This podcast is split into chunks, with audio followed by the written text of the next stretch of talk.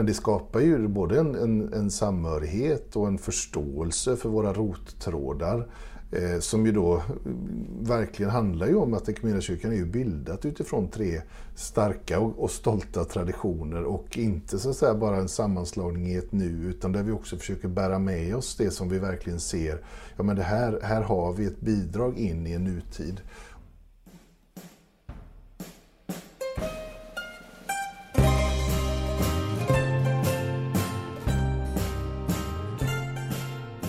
Du lyssnar på kyrkans historia. Podden där du får lära känna tre frikyrkosamfund som på olika sätt har varit banbrytande i det moderna Sverige. Svenska baptistsamfundet, Svenska Missionskyrkan och Metodistkyrkan i Sverige. Tre samfund som 2011 bestämde sig för att återigen forma något nytt, gick samman och blev Ekumeniakyrkan Sveriges nyaste kyrkosamfund som med sina baptistiska, reformerta och metodistiska rötter på många sätt är unik, även internationellt. Jag som kommer att vara med dig på denna resa genom Equmeniakyrkans bildarsamfunds historia och bakgrund heter Lina Mattebo. Jag är journalist och redaktör och medlem i en församling inom Ekumeniakyrkan. Denna podd är en del av ett studiematerial från studieförbundet Bilda. I det här fjärde och sista avsnittet ska vi prata om kyrkan. Hur kännetecknas den nya kyrkan av bildarsamfundens historia? Vad har varit klurigt med att låta tre olika samfund gå samman till ett nytt? Och vilka är styrkorna med det? Och vad är Ekumeniakyrkans viktigaste uppdrag som kyrka idag och i framtiden? Med mig för att prata om detta har jag Lasse Svensson, Ekumeniakyrkans kyrkoledare. Jag är så glad att du är här Lasse. Det ska bli otroligt spännande och roligt att få prata med dig. Tack, det är väldigt roligt att få vara här. Tack. Mm.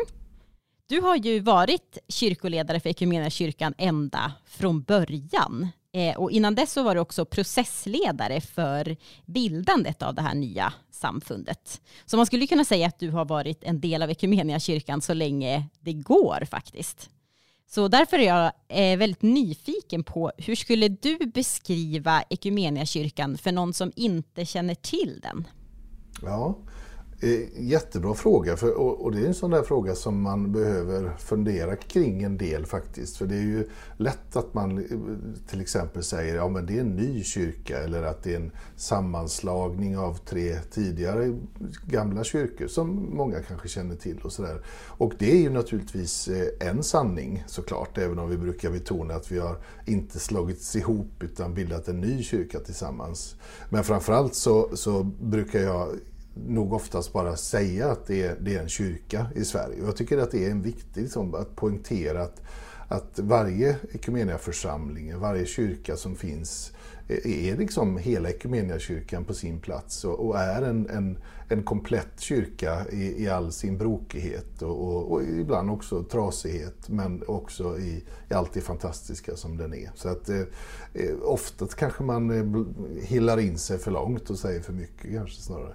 Vi ska återkomma såklart till kyrkan, men först tänkte jag fråga dig Lasse, hur, hur ser din kyrkliga bakgrund ut? Var finns liksom dina kyrkliga rötter någonstans? Ja, eh, på ett sätt så kan man verkligen säga att jag har mina rötter inom Metodistkyrkan.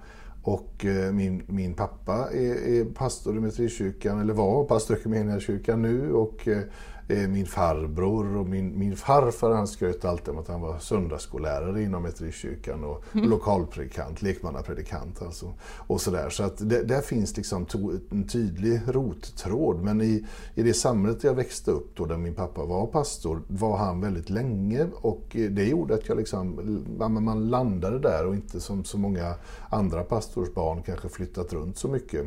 Och det där var då också ett tillfälle där, där den metodistkyrkan i Lindome ungdom där jag växte upp då blev också en ekumenisk församling eller, som då anslöts då både till metodist, mission och baptist. Så att jag fick ju också en väldigt tidigt får man säga en, en tydlig ekumenisk ja, präglad uppväxt. Och, och, och, eh, det gjorde att det fanns, det fanns ju bara den här församlingen, eller frikyrkoförsamlingen då, som, som väl mer tydligt sa då, på den orten. Och det gjorde att alla möjliga fanns med där och jag visste ju inte vilka som hade sin bakgrund i pingst, eller i mission, eller baptist eller metodist. Det där spelade väldigt liten roll för mig. Och det där har nog präglat mig väldigt mycket sen också. Men sen utbildade jag mig till pastor själv också då inom Metodistkyrkan och studerade på Överås i, i Göteborg. Så att, eh, det är väl en rottråd, men det ekumeniska har jag ju verkligen levt med får man säga. Mm. Hur, hur, hur tror du att just det där ekumeniska eh, i din uppväxt har, har präglat dig? Jag tror att eh, det, har, det har nog hjälpt mig att, att eh, ja, men både för, alltså förstå skillnader och likheter och eh, känna mig hemma i många olika sammanhang. Ehm, det, också tror jag förstå hur människor så att säga, utanför kyrkan kan ibland tycka att vi blir väldigt ehm, ja, men det blir väldigt mycket nära oss själva och vi tittar på de små skillnader som vi tycker är jättestora mellan samfund och sådär. Och så, och så försöker vi betona det istället för att tala om det stora fantastiska budskapet, evangeliet som vi har gemensamt. Så, så att det tror jag jag har med mig. så. Sen, ehm, ja, det finns säkert mycket mer också. Mm.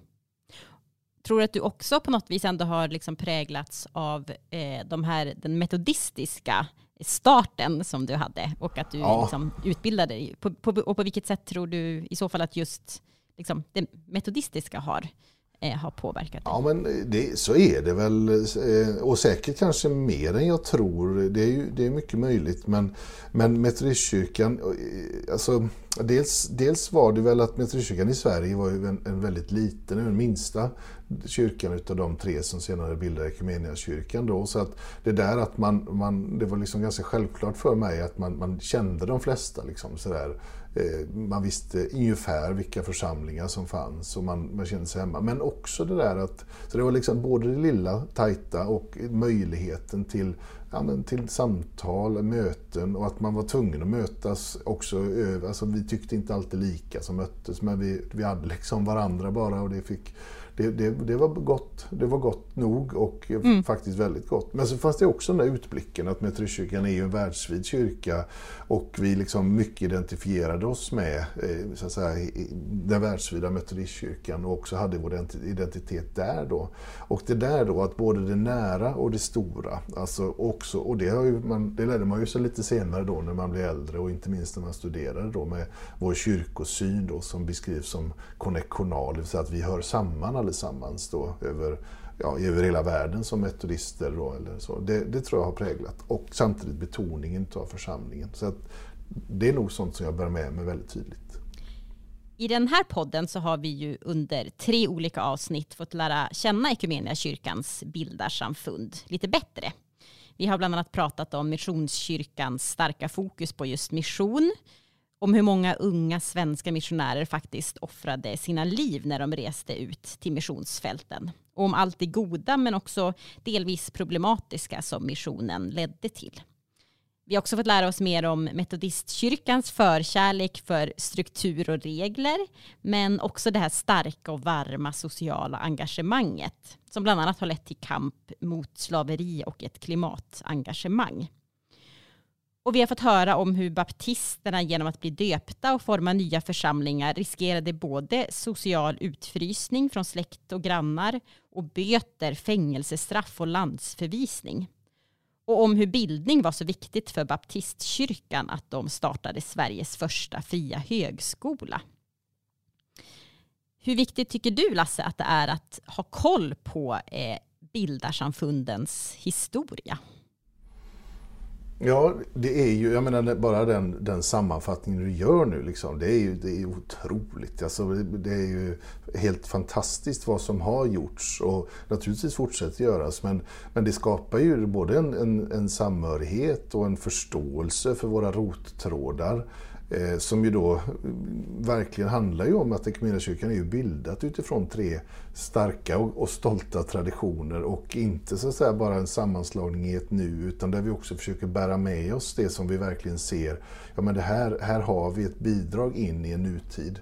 Och för att förstå det och kunna ja, men, mer fullt ut förstå sig själv nu och tillgodogöra sig Eh, det vi är nu. Så, så menar jag att det är, det är ganska viktigt. Sen, sen är det klart, i ett annat perspektiv så spelar det ju liksom inte så stor roll men, men det, det tillför verkligen ytterligare flera dimensioner och inte minst när man ser det då ur ett, ur ett samhällsperspektiv och vart vart vi har tagit oss gemensamt i samhället utifrån de första stegen från 1848 fram till nu. Då. Så att, eh, ja, men mycket viktigt och det är ju bara sammanfattningen som sagt gör ju att man, ja, men man blir rörd och eh, stolt och glad. Även om ja, man har en ganska liten del i den själv, men, men fantastiskt. Ja, verkligen, jag håller med. Eh, är det något från, om du själv liksom tänker, är det något från samfundens historiska bakgrund som har varit extra viktigt för dig själv i ditt liv eller när det kommer till din tro eller så? Ja, alltså nu kan man väl säga så att, att eh, från, från det att, att eh, det blev fart liksom kring samtalen om att bilda en ny kyrka, vilket ju man ju verkligen kan fundera på när den farten kom, för vi har hållit på i hundra år eller sådär. Men mm. när jag tänker nu den sista vändan som, som ledde fram till att vi för tio år sedan bildade kyrkan så, så har ju jag sett så otroligt mycket som för mig har varit, ja men kanske har hört talas om, vetat om, men som för mig har blivit en, en helt annat förankringspunkt för mig och min person och min kristna tro i de andras traditioner som de kom till bordet med, där jag kan så oerhört mycket fascineras utav baptismens historia. Och du, du nämnde Missionskyrkans internationella missionsiver. Det är ju någonting som jag tycker är något så otroligt starkt och viktigt. Hur man har grundat och bildat församlingar och man har liksom verkligen rest iväg. Och Eh, hur, vi också, hur baptismen kanske är allra tydligast, men egentligen alla, alla tre har legat i någon slags framkant när det gäller demokrati, demokratiutveckling i vårt land och eh, också frågor om, om jämlikhet, jämställdhet och så vidare. Sen eh, finns det alltid mer att göra och nu försöker vi ju så att säga, bära det arvet vidare också. Men det där har verkligen kunnat, ja men det har varit någonting som man har kunnat jag har känt att jag har som person djupnat av att lära mig mer av den ty, det, det som är vår gemensamma historia nu. Då. Mm om du, när, nu när du har lyssnat på eh, de tidigare eh, poddavsnitten, eh, känn, känner du att du känner igen dig i beskrivningen av, av bildarsamfunden? Ja, det, det, gör jag absolut. Men, men det är ju också eh, hela tiden nya saker som man upptäcker och olika betoningar som olika personer gör som gör mig jätteglad. Och eh, de här tre avsnitten är fantastiska. Eh, och eh, ja, nej, men man, man vill ju inte att det ska ta slut. Liksom. Så att, så, och, och, det, de, och det är klart att det är olika personer som liksom hakar i olika trådar och det blir mm. också livsberättelser så att, nej, men jättefascinerande, eh, verkligen. Men jag, jag, jag, känner igen liksom de stora mm. dragen mm. och, och, och, så, absolut. Eh, var det, var det något speciellt när du lyssnade? Var det några speciella eh, tankar som väcktes eh, hos dig när du när du lyssnade? Ja, men jag, jag slogs faktiskt av när jag lyssnade, eh, när Sune Fahlgren talade om, om baptismen, så tänkte jag, la märke till den här liksom gemensamma betoningen som metodismen och baptismen till exempel har kring eh, eh pilgrimsstråket som vi inom, inom metodismen talar om helgelsen. Eh, det vill säga alltså någon slags eh, Ja, men att man förändras, man blir mer och mer heliggjord eller vilket eh, mm. språk man skulle använda då. Och, och, han tog ju exemplet där med Kristens resa till exempel. Så ska jag, det där var liksom, ja nej, men det var ju intressant, så spännande alltså att, eh, mm. att ana, ana den, ännu fler likheter i vissa frågor då. Och så finns det ju mm. skillnader också såklart. Så ja men exakt. Jag, jag, tycker också verkligen att det blir tydligt när man eh, kollar på Bildarsamfundets historia att det finns ju väldigt många likheter som vävs in. Eh, men det finns ju också eh, saker som, som särskiljer och liksom hade betonat. Och det, det är spännande att se båda de Eh, båda de delarna tycker jag. Ja men precis och, jag, och det där kan man ju ibland tänka på, alltså, vi var inne på det när, när, när, bilder, när drog vi igång den här processen egentligen men, men jag menar på många sätt så har ju vi liksom tillbaka till skott och, och våra rottrådar där. Och mm. ibland kan, har jag ju tänkt sådär att ja, men det är väl lika gärna. Och jag, jag, Ekman och, och i viss mån Wallenström också då när Missionskyrkan bildades, eller Missionsförbundet då, strök ju mycket, eller tog inte, skrev inte fram så mycket till exempel om dopets betydelse när det skulle, man skulle bilda detta missionsförbund då, i ett försök då också som det beskrivs att få med både metodister och baptister. Då. Nu lyckades inte det. och då kan man tänka, åh mm. synd att det inte lyckades ja. för då hade ju mycket ja, jobb varit gjort. Och samtidigt ja, kan man se, tänk vad mycket vi hade förlorat då utav jo. våra rottrådar kanske. Alltså det vet ja. man ju inte, en sliding Nej, doors precis. Eh, moment. Alltså, ja, Verkligen. Det, så att det, det, det, är spännande när man funderar mm. på historiken också.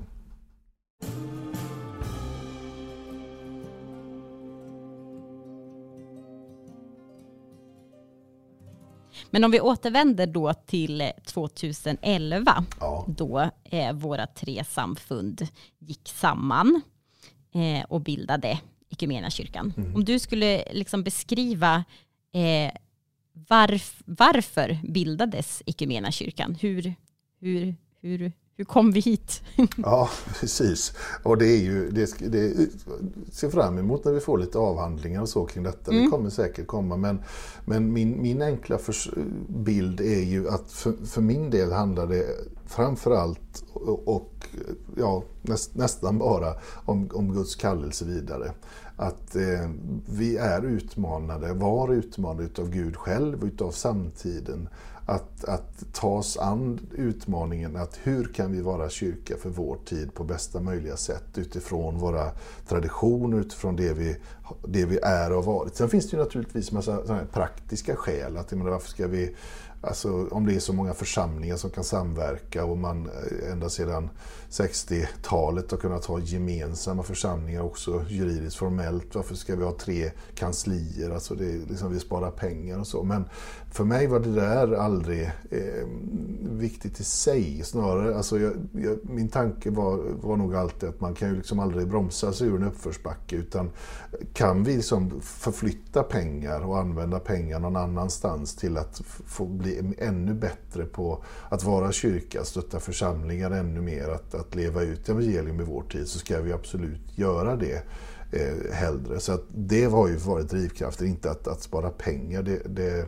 är, så att säga, för någon framtid eller sådär. Utan ja, vi ska alltid vara kloka och vi ska utöva ett, ett sunt förvaltarskap. Men, men här handlar det mer om att för framtiden bygga någonting. Det handlar inte om att, det var ju alltid sådär liksom, det blir, man blir inte frisk bara för att man lägger tre sjuka i samma säng. Och det, alltså det fanns ju alltid det där.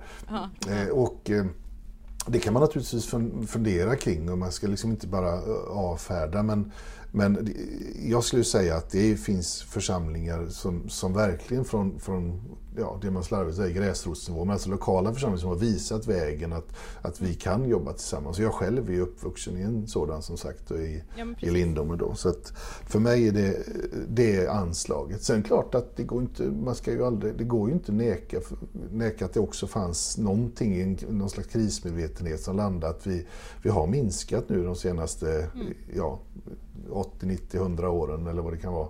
Eh, nu behöver vi göra någonting, vi behöver liksom kraftsamla och det, det håller vi på med fortfarande och vi har väl inte mm. sett en tydlig trend i vändning ännu.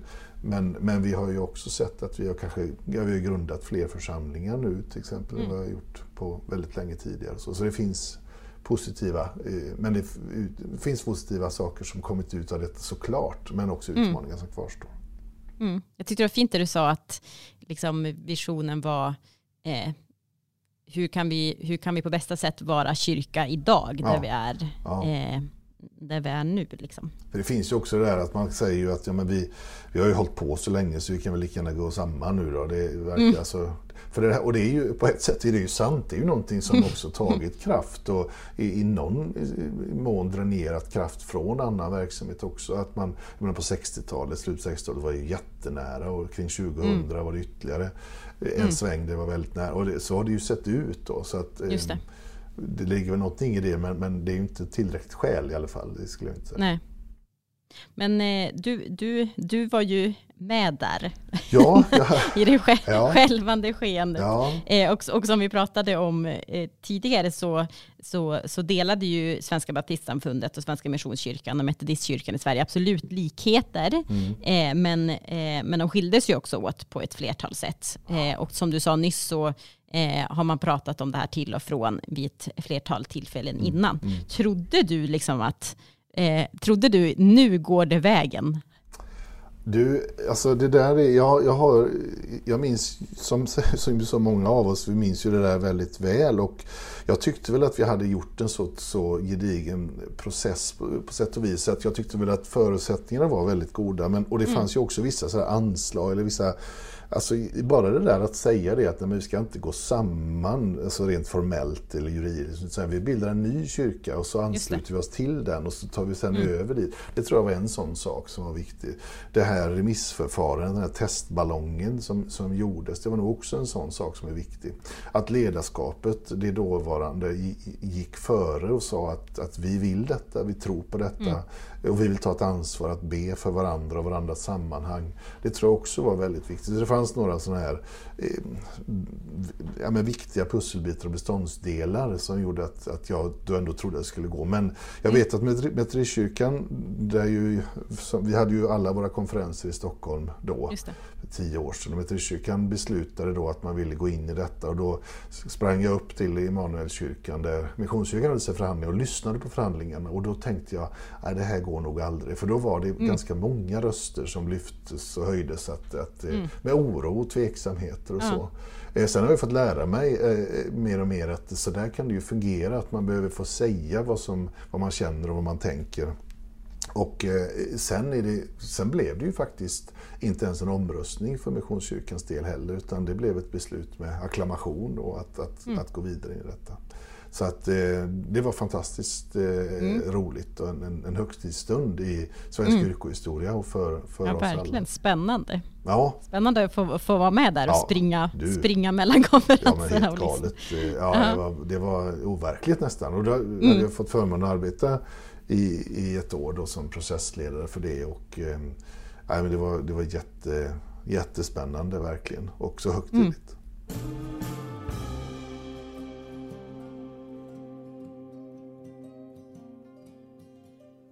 Ditt uppdrag som processledare handlade, om jag har förstått det eh, rätt, i stora drag om att få kyrkorna att komma överens i olika frågor och att skapa en konstitution för det nya mm. samfundet. Eh, och, jag, och jag tänker att i, eh, ibland i det som skaver liksom, så kan man ofta upptäcka eh, vad som är viktigt för en själv och också för andra. Mm. Och i det här fallet då kanske vad som, vad som särskiljer de olika eh, samfunden. Så därför undrar jag om eh, vad, vad, du skulle säga var det svåraste i, i den här eh, processen för, för respektive samfund och vad det liksom säger om, eh, om, om dem, hur, det, hur de mm. särskiljer sig. Ja, um, det, det, är naturligtvis också säkert väldigt personligt så, men, mm. men men lite sådär schematiskt kanske man kan säga det att, att till exempel för Mitterikyrkans del så var man ju väldigt medveten om när man gick in i processen av att bilda en ny kyrka att ja, men nu kommer vi behöva så att säga eh, lämna en slags kyrkosyn eller struktur. Så att säga, med, och också, eh, alltså vi, vi kallade ju våran kyrkoledare för biskop och, och det, liksom, på det sättet så särskilde vi oss då som metodister. Så det var man ganska alltså det, det, var, det, förstod man att nu blir det liksom stora förändringar. Så att där, på sätt och vis kan man nog säga att det fanns ju naturligtvis både en, en glädje och en förväntan att gå in i någonting nytt men också en sorgeprocess att bearbeta det då. Så att det är väl kanske då ja, men kyr, kyrkosynsfrågor och eh, struktur, en del strukturfrågor så att faktiskt faktiskt höra samman som församlingar. Det är inte att mm. vi var och en ansluter oss till ett nav utan vi, vi, vi hänger också organiskt ihop. Då. Baptist, eh, baptismen har ju liksom eh, på många sätt stått i en, en ja, men i ett arbete och ett, ett förändringsarbete just till exempel när det gäller dopsynen som ju på många sätt har varit en av de särskiljande frågor då där, där man ju talar mycket om det baptistiska dopet såklart. Eh, men där man då också, och det kom ju inte med, med detta så att säga, men där har man också stått i en process att, att, att också bejaka do, barndopet eller dopet av späda barn som, som ett, ett, ett giltigt dop så att säga. Mm. Eh, så att jag tror mång, de, de båda mindre samfunden var nog längre gångna på så där, i en process att förstå att vi gör någonting nytt Mm. Och det tror jag var då samtidigt utmaningen för en del missionsförsamlingar, att man liksom kände att att ja, men det här kanske inte betyder så mycket för oss. Eller vi, vi har, det, är ganska, det är tre mil till närmsta baptistförsamling och en mm. metodist har vi knappt sett på vykort. Så att det, jag rör inte oss. Liksom. Men, men eh, där tror jag ju att, att eh, man över tid har insett att ja, just det, men det är en ny kyrka. Liksom. Det är inte mm. att det är inte liksom... Det, ja, men, och det tror jag så att säga, över tid har betytt eh, eh mycket. Säkert utmaningar mm. men också tror jag välsignelse och glädje av att, att säga, när man tvingas upptäcka varandras olika gåvor. Mm. Det är bra det du beskriver det, liksom att verkligen tänka att, att, att det är en ny kyrka. Ja. Och, och, i, och i det, i de, de flesta processerna, eller de flesta förändringarna, mm. eh, oavsett om det är liksom i ens eget liv eller i större processer, så är det ju ofta som du säger, både liksom en glädje och en förväntan, men också att, att man måste gå igenom den här lilla sorgeprocessen ja, ja. För, för att lämna det som har varit, för att faktiskt kunna gå in i det som är Precis. Eh, någonting nytt. Liksom. Ja. Och det är, det är liksom med olika medvetenhet. Man, man gör det där och, och, man kan säkert också för att vi har försökt så många gånger så blir man liksom lite avtrubbad. Liksom att, mm, ja, ja, vi mm. får se. Men, mm. men ehm, nej, jag är jätteglad och tycker då att den processen så, där så många församlingar var delaktiga och så. Och det trodde jag väl, det var väl svårare att tro tycker jag den vintern innan vi bildade kyrkan när vi satt i en, en liten arbetsgrupp på fyra personer och skulle, hade eh, ansvar för att skriva fram en teologisk grund och, mm. eh, utifrån de remissvar som kom in. Då, då var det väl liksom ena, ena remissvaret vi läste, där stod det liksom blir det så här så, så då kan vi inte tänka oss att vara med. Mm. Och sen läste vi nästa så stod det att det, det, måste bli så här annars är vi inte med. Eh, om samma fråga då och det, då kände mm. man en viss hopplöshet. Men när vi då, och det mm. menar jag är, är, är en tydlig tydlig sådär, en av mina kanske starkaste upplevelser i livet av Guds ledning. Eh, tycker jag kan vara, eh, och det är ju märkt, det är nästan lite, lite tråkigt sammanhang kan man ju tycka, men, men det var ju just att, att se hur väl den teologiska grund som vi skrev ihop då Eh, och jag ledde arbetet, jag skrev inte så mycket, men eh, hur väl den blev mottagen efter att det hade varit så spretigt. Och man sa, mm. nej men det här känns ju rätt. Och det, mm. det känns verkligen som, som, som, och det är naturligtvis många som har förberett detta i bön, men mm. också hur, hur Gud verkar på märkliga sätt. Och att jag, mm. ja, jag har aldrig blivit så berörd som, som av ett dokument som blir antaget. det är ju rätt eh, Ja, kanske tragiskt möjligen.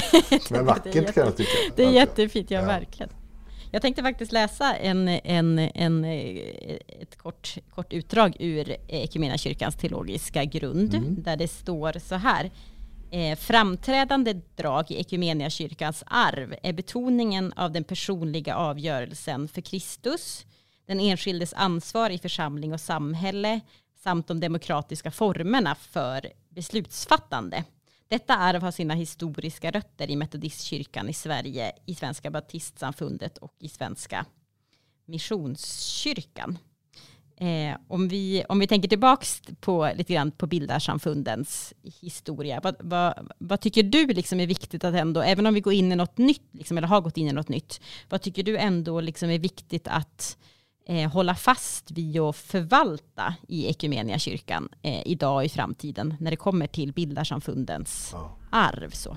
Ja men du vet, jag, jag var ju med och skrev det där så jag kan nog inte, mm. jag skulle aldrig kunna tänka fram något bättre idag. Alltså, jag tycker det var nej, otroligt nej. Eh, väl formulerat. Det var säkert ja. inte jag som kom på det. Men, men det är ju jätte, jättebra och, och tydligt. Mm. Eh, så att, mm. och jag, det är ju, jag kan ju ofta gå tillbaka till teologisk grund och läsa och bara tänka, ja men det här behöver vi läsa oftare var och en och, mm. och mer mm. se detta som ett styrande dokument som vi kan gå till också i våra egna församlingar och i vårt eget personliga liv. Men just det här med att betona att, att jag behöver själv så att säga relatera till Gud. Jag, och våran vision är ju, är ju ja, världens bästa, jag skäms inte för att säga mm. det. Liksom en kyrka för hela livet där mötet med Jesus Kristus förvandlar mig, dig och världen. Alltså mötet mm. som förvandlar, men det, det, är, det är inte bara mig, det är inte bara mig det handlar om, utan det får ju konsekvenser.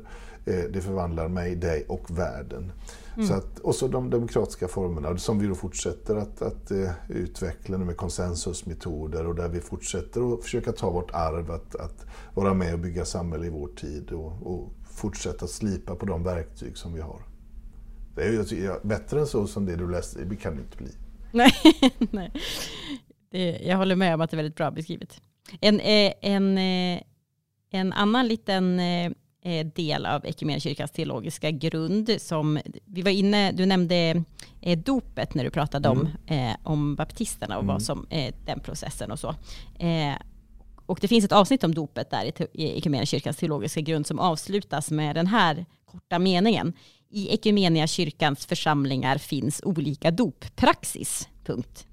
Eh, och då undrar jag, kan, kan en teologisk fråga som har liksom skapat så mycket konflikt och liksom, eh, Eh, skav genom historien liksom ändå till syvende och sist hanteras på ett liksom så pass enkelt och liksom pragmatiskt sätt att bara säga vi har olika eh, doppraxis? Ja, ja, det är en jättebra fråga. Alltså, eh, jag, jag fick ju lära mig de där åren som jag eh, var processledare då att, att det, för normalt sett så är det ju så att, att all, saker och ting är så mycket enklare i, teorin än i praktiken. Liksom. Man kan rita mm. en bil och sen bygga den är väldigt mycket svårare. Så.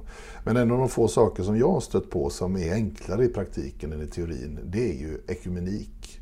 Och inte mm. minst då eh, inom det som blev Equmeniakyrkan sen. Jag växte upp som sagt i en församling som har klarat av detta på ett alldeles... Ja, men det, det, är väldigt pragmatiskt och enkelt och man, man löser det för det handlar om omsorg och kärlek eh, till människor och eh, människor emellan och så vidare. Så att, men när man ska skriva fram det så, så blir det ju då blir det skarpt. Liksom, och man ska besluta om det och då blir det, då blir det på många sätt mycket svårare.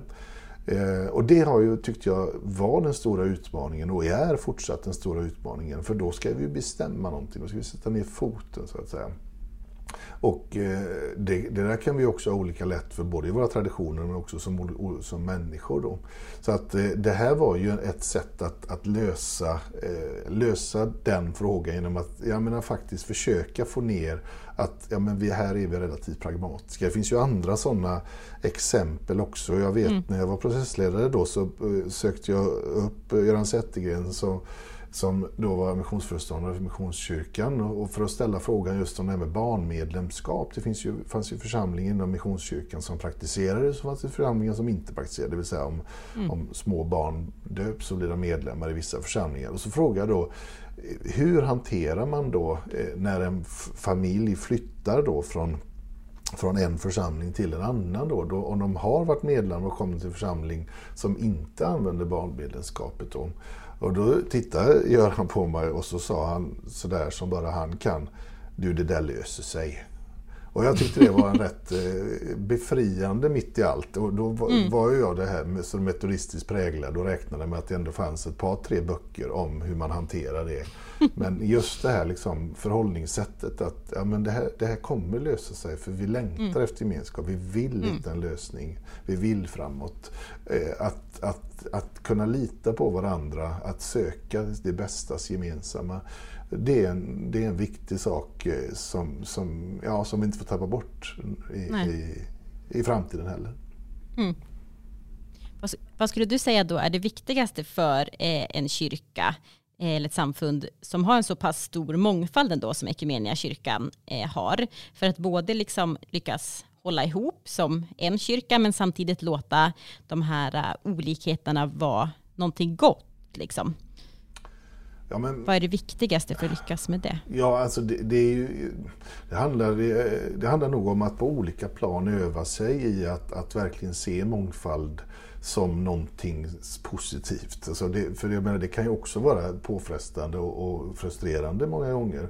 Men att öva sig i det. Sen, sen finns det ju alltid liksom någon slags gräns för vad som är möjligt att ha för typ av mångfald. Och att, att försöka eh, inom kyrkoledning, kyrkostyrelse, öva upp den fingertoppskänslan. Liksom, vad, vad är det vi kan och bör besluta gemensamt om och vad är det som vi, vi behöver överlåta mycket mer till församlingar och vad är det vi behöver så att säga, den nationella och regionala och internationella strukturen lära oss från församlingar eh, ja, men det, är nog, det är nog att öva sig i den där eh, fingertoppskänslan, att söka det gemensammas bästa, vad som är möjligt.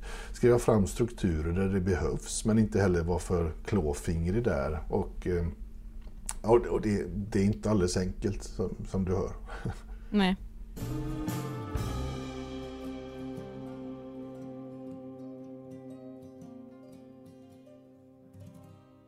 Under de här åren som Equmeniakyrkan eh, nu har funnits, vad, vad, för, eh, vad för slags nytt tycker du har skapats? Vad är liksom unikt för just den här nya kyrkan?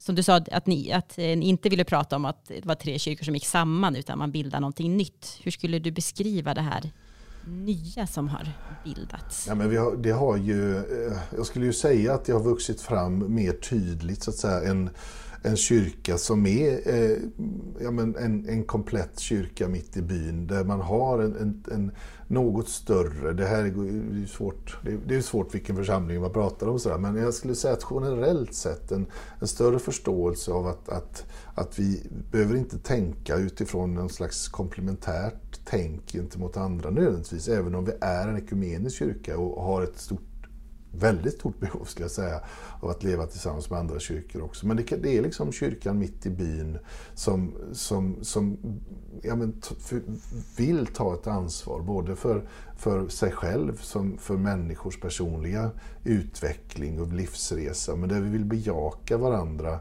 och där vi vill bidra i samhällsutveckling. Så att jag, jag har ibland lite slarvigt talat om som, som att vi är, vi är ganska tydligt en, en folkkyrka, men inte då i bemärkelsen att man liksom tillhör bara för att bara för att man är döpt eller bor någonstans eller så. Utan mm. att, att det är en kyrka som väldigt många kan känna sig hemma i. Och eh, jag, jag tror att, att verkligen att kyrkan har framtiden för sig. kyrkans bästa tid ligger alldeles säkert för, för, framför oss. Mm. Vad skulle du säga är kyrkans främsta uppdrag då idag som kyrka? Ja, men, eh, och det är. Oh ja, eh, det, alltså eftersom det ofta blir att man liksom kommer upp på så många, då räknar man upp liksom det detta och detta och detta. Mm. Eh, så är det, jag skulle nog säga att vara kyrka i vår tid. Liksom att, att, mm. Eh, och, och det är, ibland så talar man ju om verksamhet och att vi kan ha en verksamhetströtthet ibland. Att känna att det, liksom, det är evigt mycket massa verksamhet. Samtidigt är det någonting otroligt bra och någonting jätteviktigt som vi behöver ha. Men, men där, vi, där vi också, varandets kyrka, liksom, kan, kan vila i att ja, men vi är kyrka. Och bara genom att vara det så säger vi någonting, så gör vi någonting, så betyder vi någonting. Och är någonting. Eh, varandet tror jag är och jag, jag hör ju själv hur flummigt det låter alltså, så att, eh, det är en utmaning liksom, att prata om det. Men, men det, det, ligger någonting väldigt viktigt i det. Och det, och där, det betyder ju inte något, någonting passivt. När Jesus säger ”jag är” eller, eller Gud för den delen i, i Gamla Testamentet så, så är ju det inte ett passivt, utan det är liksom varandets Gud, Gud som mm. är. Och jag tänker att vi har den kallelsen som kyrka också, att vara kyrka. Och det manar naturligtvis också till handling. Att, att stå på människor i, i för tillfället utsatta livssituationer, att vara på den svaga sida. Att, att ja, men, leva ut både den frimodiga evangelisationen och leva i en tydligt samhällsorienterad diakoni. Och vi gör det liksom utifrån de försonande gemenskaper som församlingarna fungerar som när de fungerar som bäst. Tror du att det här kommer att ändra sig liksom, om du tänker lite längre fram? För nu, Equmeniakyrkan är ju fortfarande ja. en relativt ny kyrka. Liksom. Tror du att vad som är Equmeniakyrkans främsta uppdrag kommer att ändra sig en bit fram när ja. eh, saker har satt sig lite? Eller tror du att det är detsamma? Ja, men ja, det beror ju alltid på. Alltså, det som är vår vision eller det som är evangelium, så att säga, det kommer ju alltid vara det. att det kommer alltid vara detsamma. Men sen får vi ju verkligen hoppas att vi så att säga anpassar oss till den tiden som vi finns i, jag menar, som vi alltid mm. har gjort. Och, och, så att, så att kyrkan kommer förändras jättemycket, det är jag alldeles övertygad om. Men det finns vissa saker som jag tror och hoppas och ber att vi aldrig tappar. Och, och, och det är ju de, där, de värdena vi talar om. Och där tror jag också då om vi, om vi kan vila mer i att ja, men vi är kyrkan här. Alltså den, den enkla men värdiga kyrkan som så mm. många mm. har lärt känna. Där det finns, oavsett vilken av våra bilder som vi tittar på, så har det funnits en, en tydlig struktur och ordning. Mycket mer kanske i vissa metodistkyrkor och mycket mindre kanske i vissa missioner eller baptist. Men, men ändå, det finns en tydlig ordning. Eh, och det finns, en, det finns en enkelhet men det finns också en värdighet. Så att säga. Vi, vi vet att, att här talar vi om, här, här, finns spår av syndare och heliga och det, det är det som gör kyrkans autenticitet på något sätt. Och att vi allesammans är det samtidigt på något sätt. Mm. Avslutningsvis då så undrar jag, eh, vad skulle du säga att, eh, att bildandet av eh, kyrkan har betytt för dig personligen? Oj. Eh, alltså jag... Eh, ja, men jag har ju... På många sätt så har ju mitt liv så tydligt de senaste då, vad blir det nu, 11 åren eller så, eh, varit sammanvävt med kyrkan och, och, jag, och dess historia. och, och allt det som är dess, dess nu och väldigt mycket dess framtid som man funderar på, oroar sig för och ber för.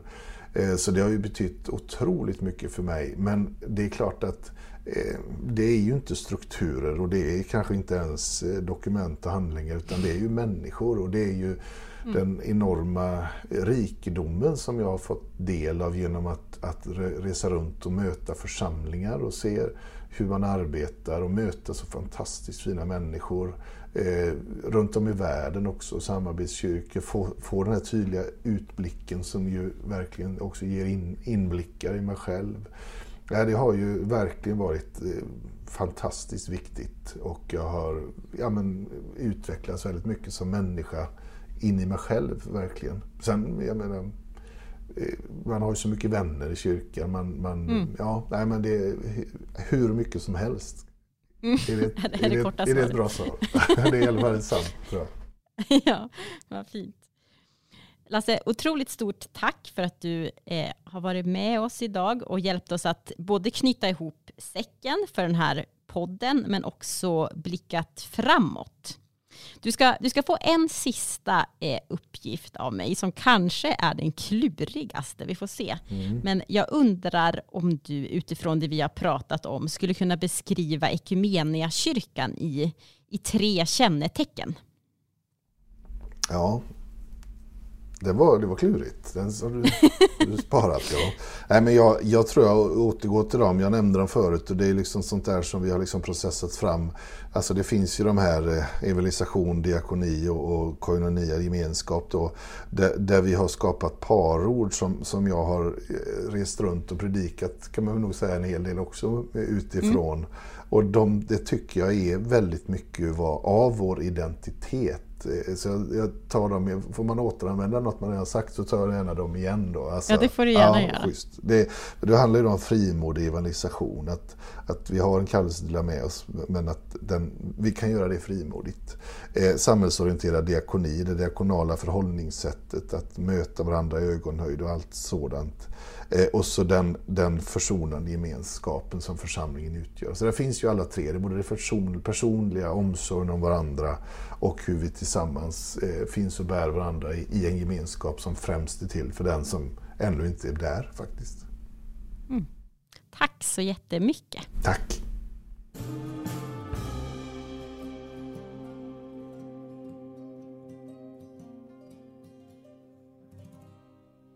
Det finns såklart massa mer att säga om kyrkan och hennes tre bildarsamfund än vad vi har hunnit med i den här podden.